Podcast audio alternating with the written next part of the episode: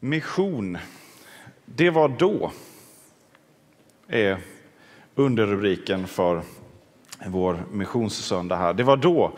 Ja, innebär det att mission, det var bara något vi gjorde då? Nej, eh, det är inte, utan vi har en till missionssöndag nästa söndag och då tar eh, eh, Mange, min kollega, nutidsperspektivet.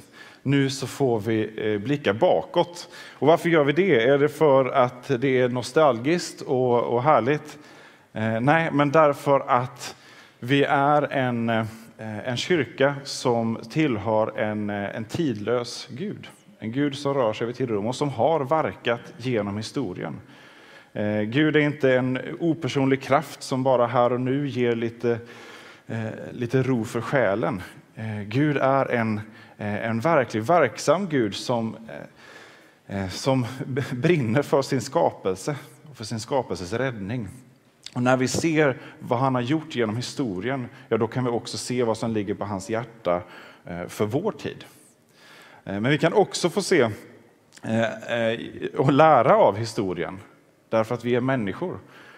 Och även om kyrkan är Eh, Guds sätt och eh, Guds händer i den här världen så består kyrkan av människor och därför så har mission inte varit fullkomligt genom historien. Och det finns en bild av den kristna missionen i västvärlden idag, eh, att det var liksom ett verktyg för att kolonisera tredje världen. Och att det är någonting som vi behöver ta avstånd från idag i det postkoloniala samhället. Att vi Eh, att vi backar från det. Det har man gjort i många, på många sätt. Man har backat från mycket av eh, att kanske komma med ett budskap eller man vill inte lägga sin kultur på någon annan. Eh, så har mission kommit att handla mycket mer om det praktiska, eh, bistånd och sådär. Och sen eh, så kan frågan då få vara levande. Mission, var det, var det någonting som var då? Jag tror att mission är något mycket mer än bara bistånd. Bistånd finns som en del i det. Eh, alla de här eh, fysiska behoven har alltid funnits parallellt i missionen. Men det finns något omistligt i missionen. Det uppdrag som kyrkan har, evangeliet om Jesus Kristus. Och när vi ser på historien så kan vi se Eh, misslyckanden och vi kan se de här ehm, eh, exemplen på hur eh, missionen eller missionärer har gått i kanske en, en regerings ledband och blivit ett verktyg, kanske av naivitet, kanske av full fri vilja med övertygelsen om att, att erövring är också ett bra sätt.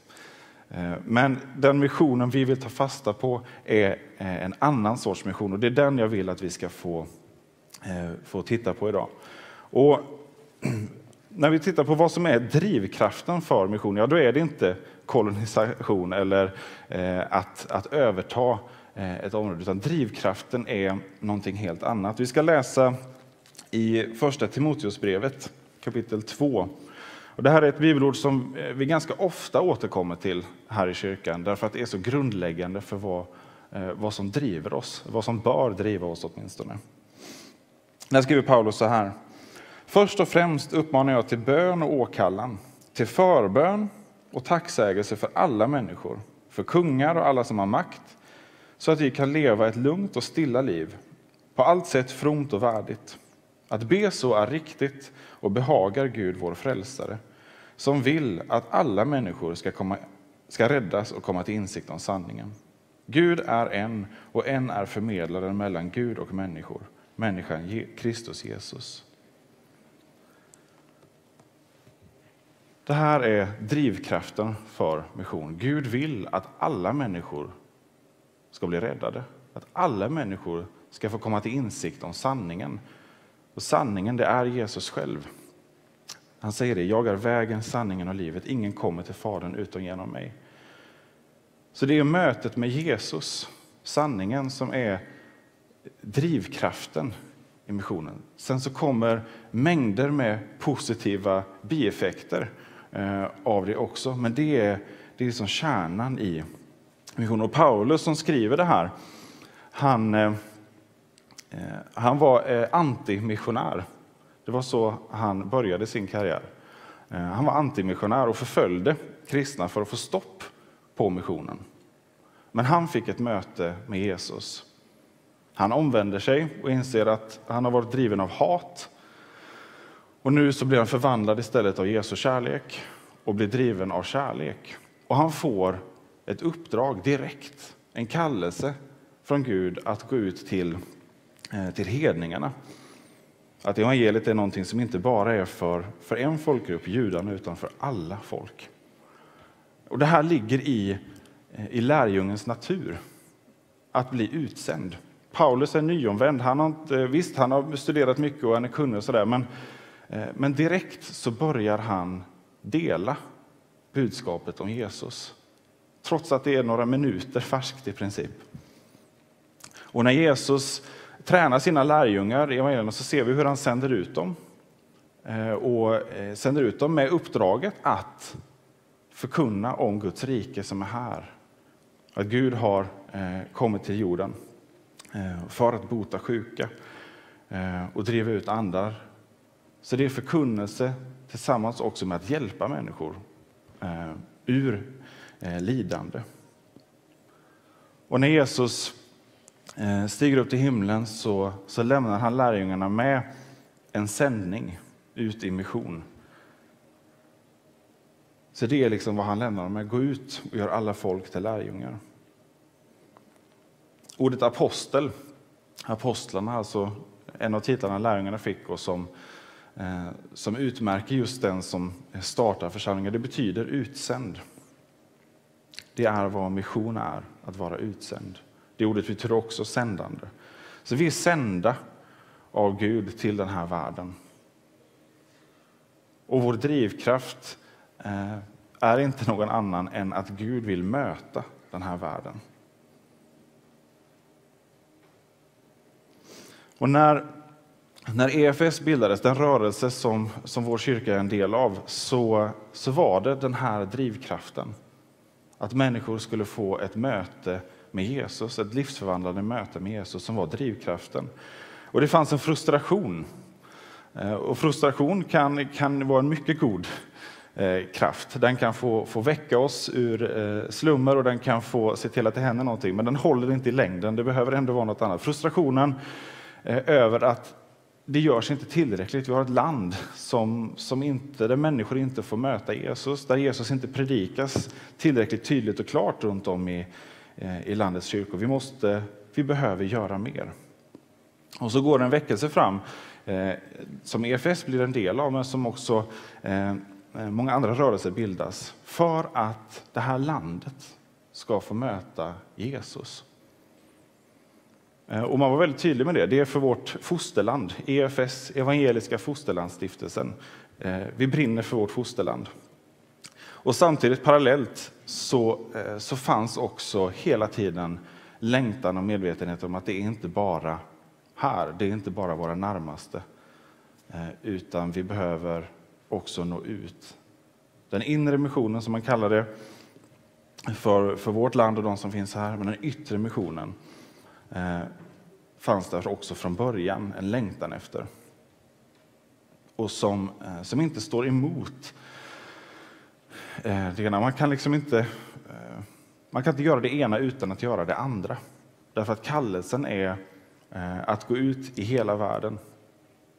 Och Jesus säger det, gå till Judeen, Samarien och till jordens yttersta gräns.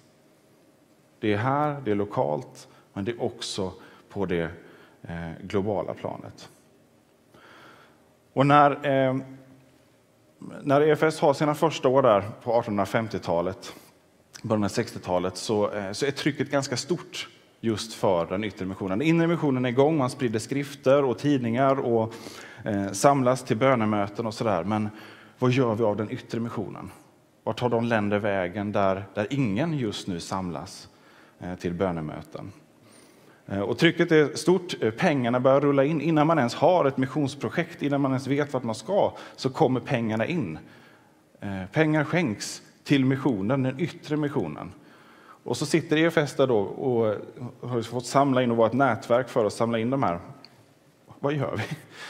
Eh, vi måste förvalta de här gåvorna. Och så eh, börjar man söka, man, eh, man har kontakt med andra missionssällskap eh, och man prövar ganska många olika delar av världen och ser vad finns det för möjlighet. men det, det landar liksom inte riktigt. Förrän man får ögonen på Eh, Afrikas horn, Etiopien, dagens Etiopien och eh, Eritrea, den, det området där nere. Eh, och det fick man eh, via tips av en biskop i Jerusalem faktiskt. Och så eh, landar man i det, man upplever det som Guds vilja. Eh, och mission är inte bara att vi ser ett behov eh, och vad kan vi göra och så bara går vi.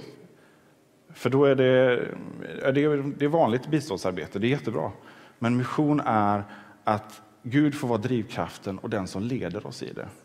Så det är väldigt tydligt eh, i, när man läser här hur, eh, hur det finns en längtan om att Gud leder och att det får bli på rätt plats. För det fanns mängder med platser som behövde det här. Eh, men vilken plats är vår uppgift just här, just nu? Och så eh, fick man någon ny som eh, Oromofolket i Etiopien.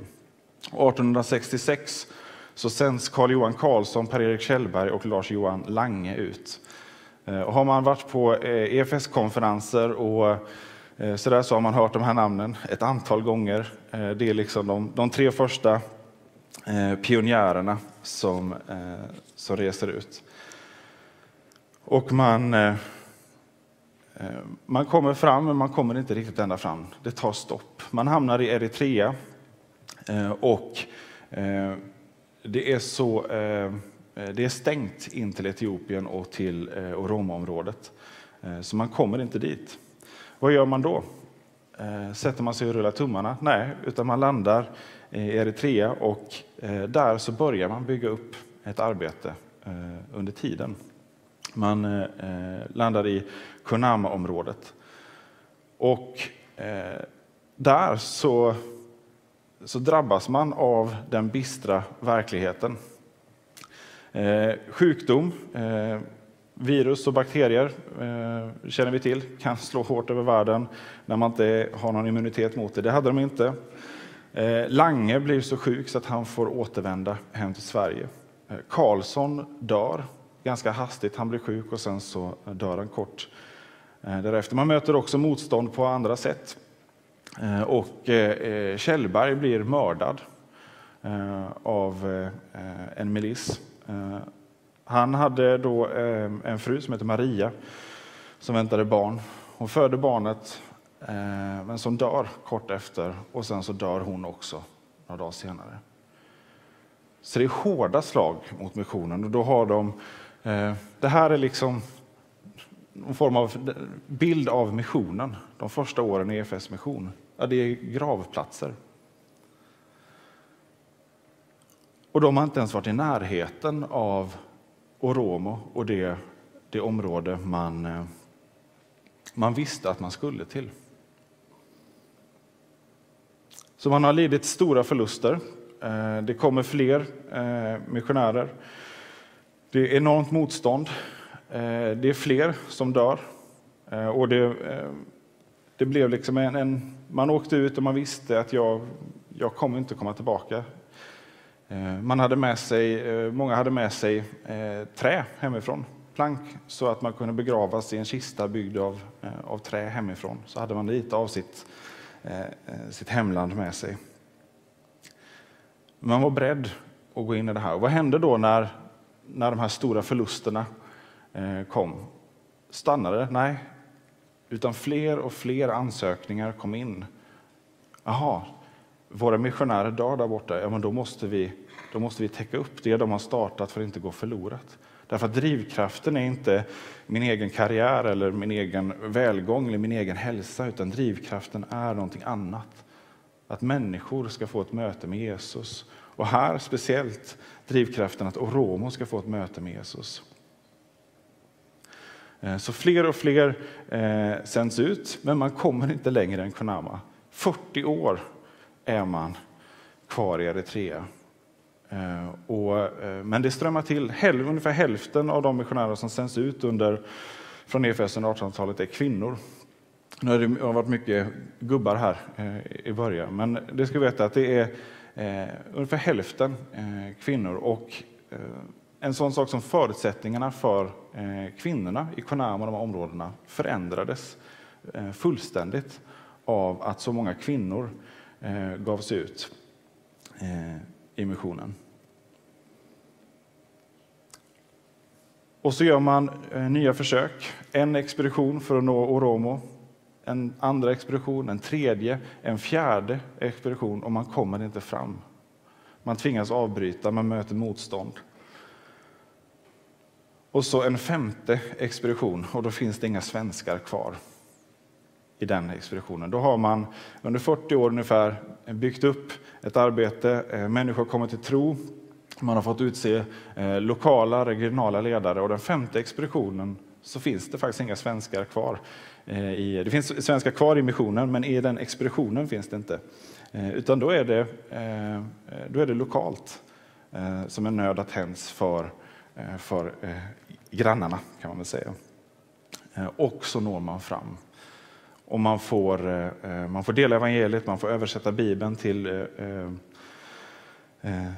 till lokala språk och så växer en, en evangelisk kyrka fram. Som idag i Etiopien utgör världens största lutherska kyrka, Mekaniesuskyrkan.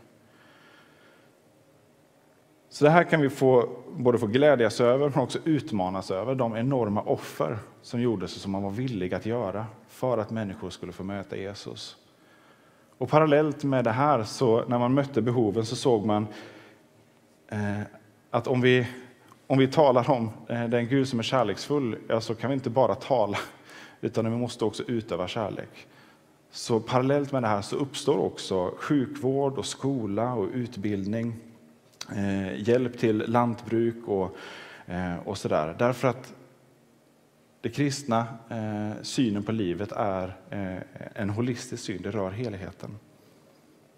Men ytterst sett så når det bara framgång om Gud själv får leda och får verka. Det är bara då det blir någonting som består.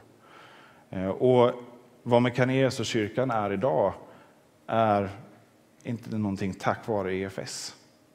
Vi har fått vara med och, eh, och så frö och lägga grunden, men den stora växten, det som har gjort det till en stor kyrka, är hur Guds ande har fått eh, förnya eh, och omvandla kyrkan under decennier.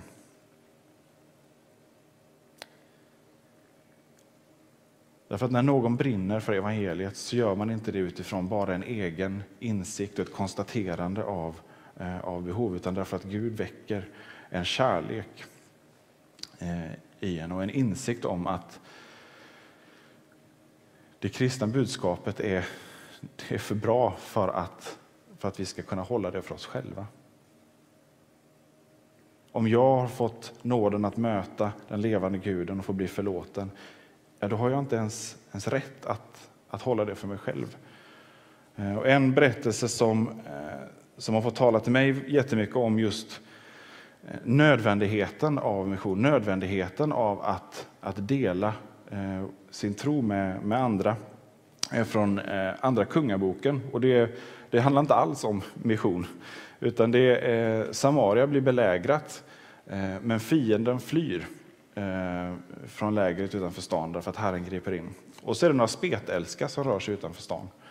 Och de noterar att det, det verkar lite tomt nere i, i arameernas läger.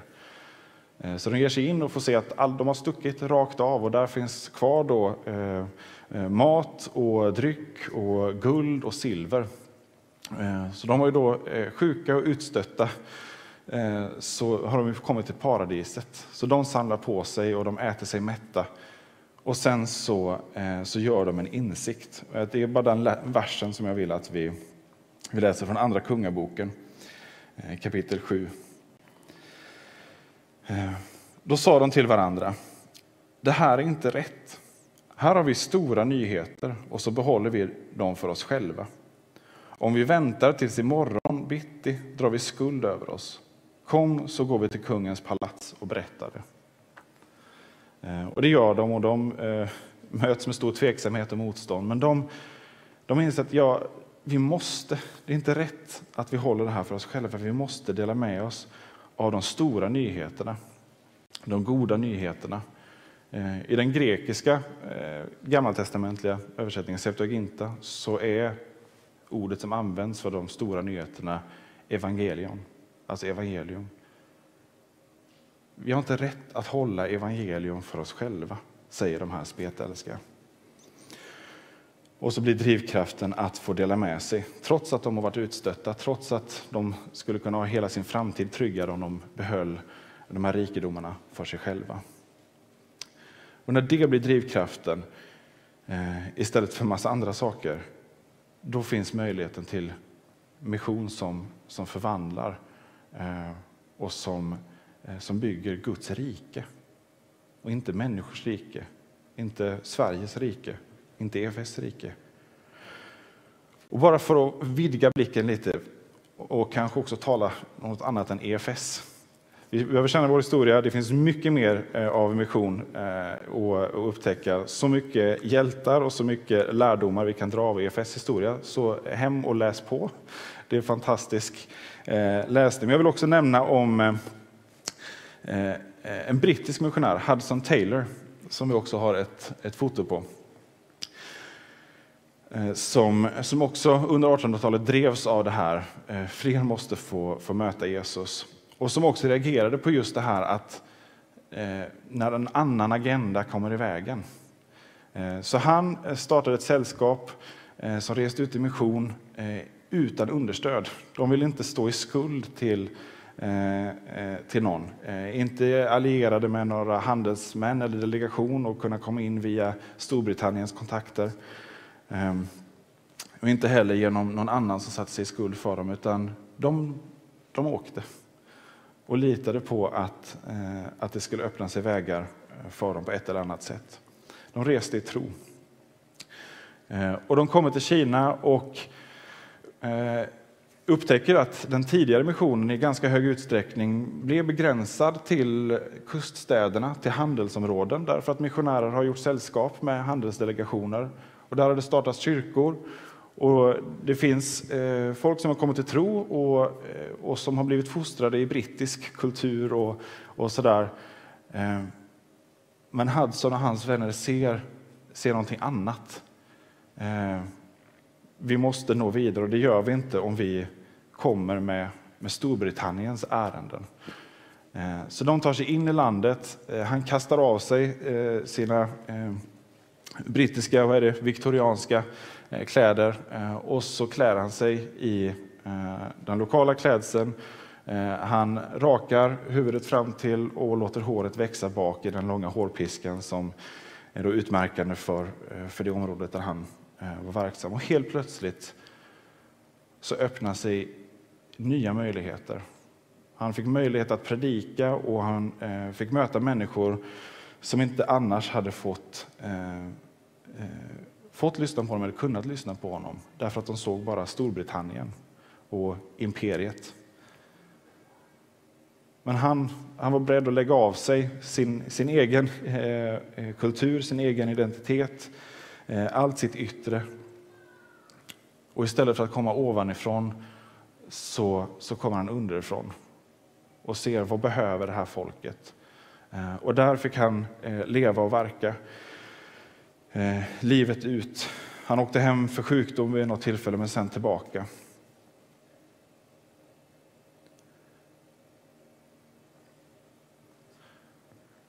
Missionärer som gör ett arbete som består är missionärer som är beredda att eh,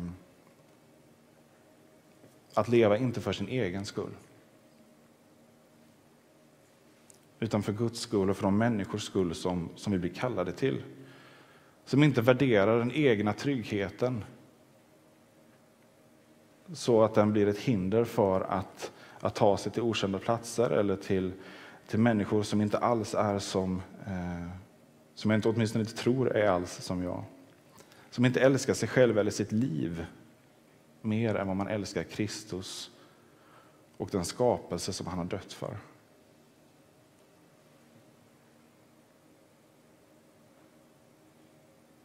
Och det här utmanar oss idag.